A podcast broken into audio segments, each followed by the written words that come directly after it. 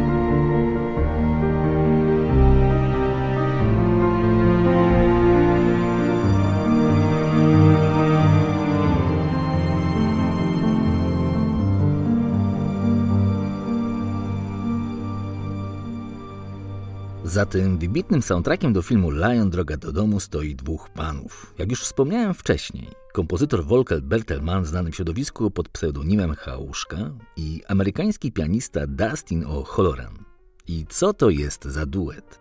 Każdy z nich ma na swoim koncie niezależne sukcesy, dziesiątki koncertów, nagród i wydanych płyt, ale współpraca razem to naprawdę było wielkie spotkanie, na które świat od dawna czekał i na szczęście to spotkanie, które trwa do dziś.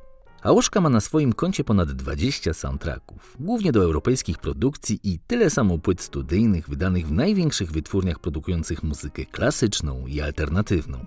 Bo ten człowiek, ten muzyk akurat nie daje się łatwo sklasyfikować w żadnym z gatunków. Dlatego nie grają go w radiach, nie puszczają w telewizjach muzycznych, tu nie ma nic populistycznego. Bo Hałuszka to przede wszystkim wielki eksperymentator i słychać to dosłownie w każdym jego utworze. Do legendy przeszły już jego pierwsze płyty, na których zawsze gra na swoim przygotowanym wcześniej pianinie, które dosyć znacząco różni się od dźwięków, jakie znamy. A o co chodzi? A o to, że Hałuszkę nudzą zwykłe brzmienia klasycznego pianina. On zawsze dodaje coś od siebie. Rozkłada na płycie sztućce, przyczepia druty między sklejką a klawiszami, rozkręca młoteczki i umieszcza przedziwne obiekty na napiętych strunach. I w ten oto sposób tworzy przestrzeń tak unikatową, że za każdym razem jego pianino brzmi inaczej. I podobnie jak Olafur Arnolds eksperymentuje z pionowymi płytami pianin, Nils Fram na swoich płytach owija struny filcem, tak Hałuszka używa wszystkiego, co mu wpadnie w ręce i tworzy nowy rodzaj kameralności. Zupełnie inaczej rzecz ma się z Dustinem Holoranem. To muzyk pełną gębą i to muzyk na poważnie, o czym może świadczyć podpisany w 2019 roku kontrakt z niemiecką wytwórnią muzyki klasycznej Deutsche Grammophon. Jeśli nie wiecie, co to za wytwórnia, spieszę wyjaśnić. To jedna z najstarszych, bo założona w 1898 roku przez Emil Berlinera wytwórnia, która już od ponad 100 lat wydaje najwybitniejszych muzyków świata. I to bez przesady. Najwybitniejszych pianistów, solistów, śpiewaków operowych itd. Jeśli masz kontrakt z Deutsche Grammophon, to wieść niesie, że nawet Chuck Norris ci się w pas kłania. Taka to jest marka. I Dustin O'Halloran właśnie taki kontrakt posiada i śmiało sobie poczynia. Bo choć jego początki leżą w absolutnej alternatywie i niezależnym roku amerykańskim, teraz jest uważany za jednego z najwybitniejszych pianistów świata. A zaczynał jak zawsze skromnie, ale ambitnie. Bo zaczynał na scenach knajp w Los Angeles grając z nieistniejącym już zespołem Devix. Ale jego marzeniem i pasją zawsze było współczesne komponowanie z użyciem pianina i miksowanie tego w ambientowych klimatach. I niedługo trzeba było czekać, jak nagrał debiut solowy w 2004 roku, który wyprodukował sam Johan Johansson w Reykjaviku. No i sukces był olbrzymi. Od tamtej pory O'Halloran w zasadzie nie wychodzi ze studia i pracuje nad nowymi produkcjami z chałuszką bądź samodzielnie. Ale wróćmy do filmu Lion. Jest rok 2016 i panowie spotykają się, żeby porozmawiać o płycie. Oboje tworzą podobną muzykę. Hałuszka bardziej eksperymentuje z kompozycją, o Holoran bardziej trzyma się formy i struktury. Hałuszka dodaje niepokój i brzmienie, o Holoran ambient i produkcję. Ale co panowie robią oboje doskonale, to obydwoje rozumieją, czym jest melodia.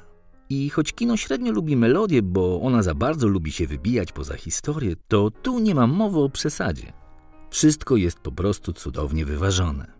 Ambientowe przestrzenie unoszą lekko ten film, a melodie wygrywane na klawiszach pianin zwyczajnie domykają to, tworząc byt kompletnie pasujący do filmu, ale też dający się słuchać jak niezależny, koncepcyjny album. To po prostu majstersztyk oparty na wielkiej wyobraźni, rozumieniu muzyki, formy i dopasowaniu do gatunku, jaki w tym przypadku jest kino drogi. Melodia to bohater. Świat, który przemierza, to przestrzeń. I doskonale jest to słyszalne w każdej nucie tego soundtracku koniecznie posłuchajcie, bo to prawdziwa harmonia, spokój i równowaga, a jak sami przyznacie, to coś, co coraz rzadziej gości w naszym życiu.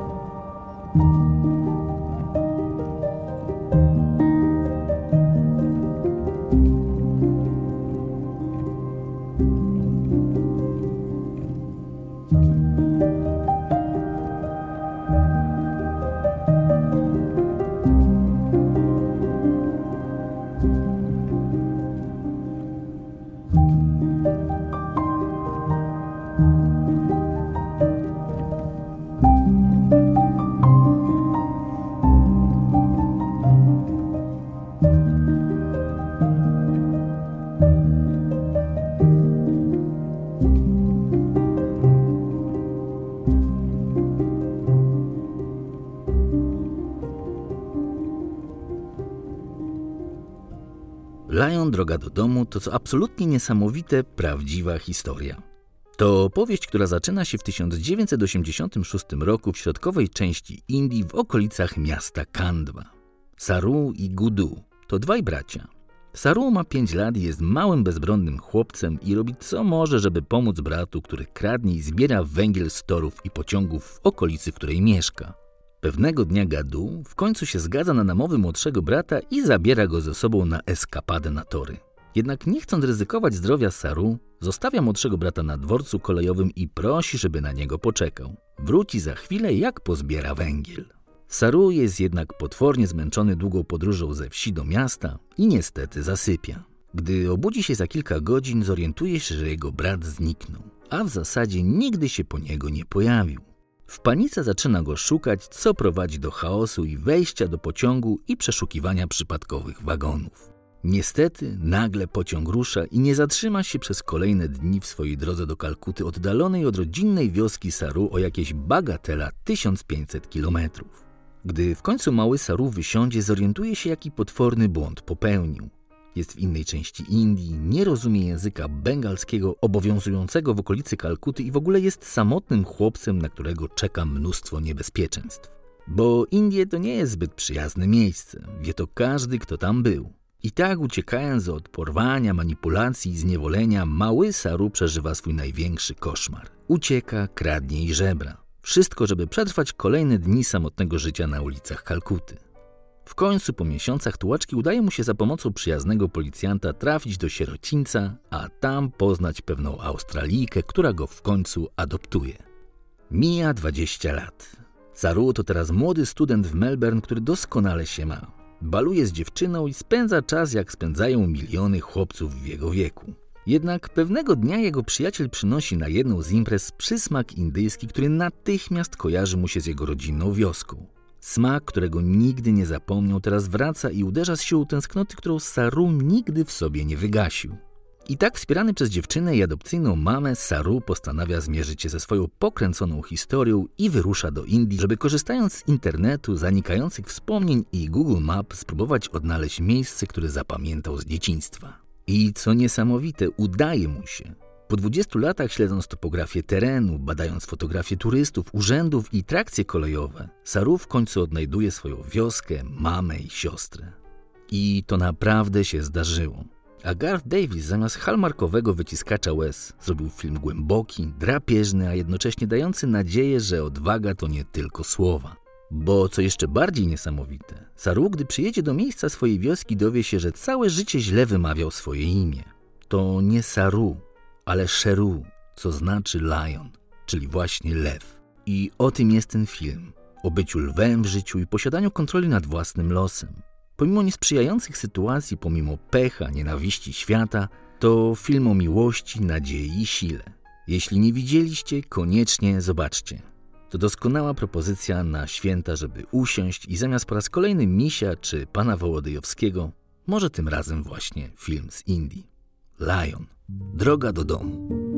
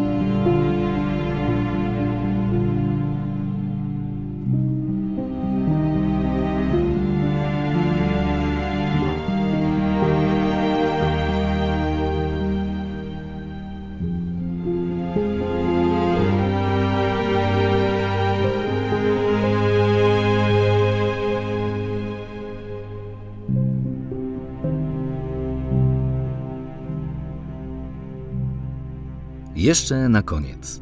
Byłem w Indiach dwa razy i za każdym razem, gdy wracam do filmu Lion czy do Slamdoga Milionera z ulicy danego Boyla, powiem wam szczerze, naprawdę dziękuję zrządzeniu światu, że nie urodziłem się na ulicach Mumbai, New Delhi czy Kalkuty. To miasta, które przerażają swoją wielkością, hałasem, smrodem i brudem. I gdy tylko słyszę od polityków, jak to Polska jest w ruinie, jak Nowy Ład wszystkim da i wszystko będzie pięknie, bo przecież nikt nas nie obroni naszego kraju, tak jak właśnie politycy, to sobie myślę, że każdy z nich, każdy urzędnik powinien mieć obowiązkowo zaplanowany wyjazd do Indii, pobyt tam, miesięczny wolontariat na ulicy i spotkanie z tym, co naprawdę nazywam życiem. Bo dopiero będąc na ulicach indyjskich miast, człowiek naprawdę uzmysławia sobie, jak wiele ma, nawet gdy nie ma nic. Bieda tam jest tak przerażająca, tak uderzająca. Dzieci na ulicach, głodne i chore, szaleństwo miliarderów mieszkających na strzeżonych osiedlach tuż obok slumsów ze ściekami zamiast rzek, to widok, który po prostu zmienia kod myślenia. Być tam, uczestniczyć w tym chaosie, stać się częścią ruchu drogowego w 18-milionowym mieście i ścigać się na motocyklu z krowami to tylko część mojej przygody.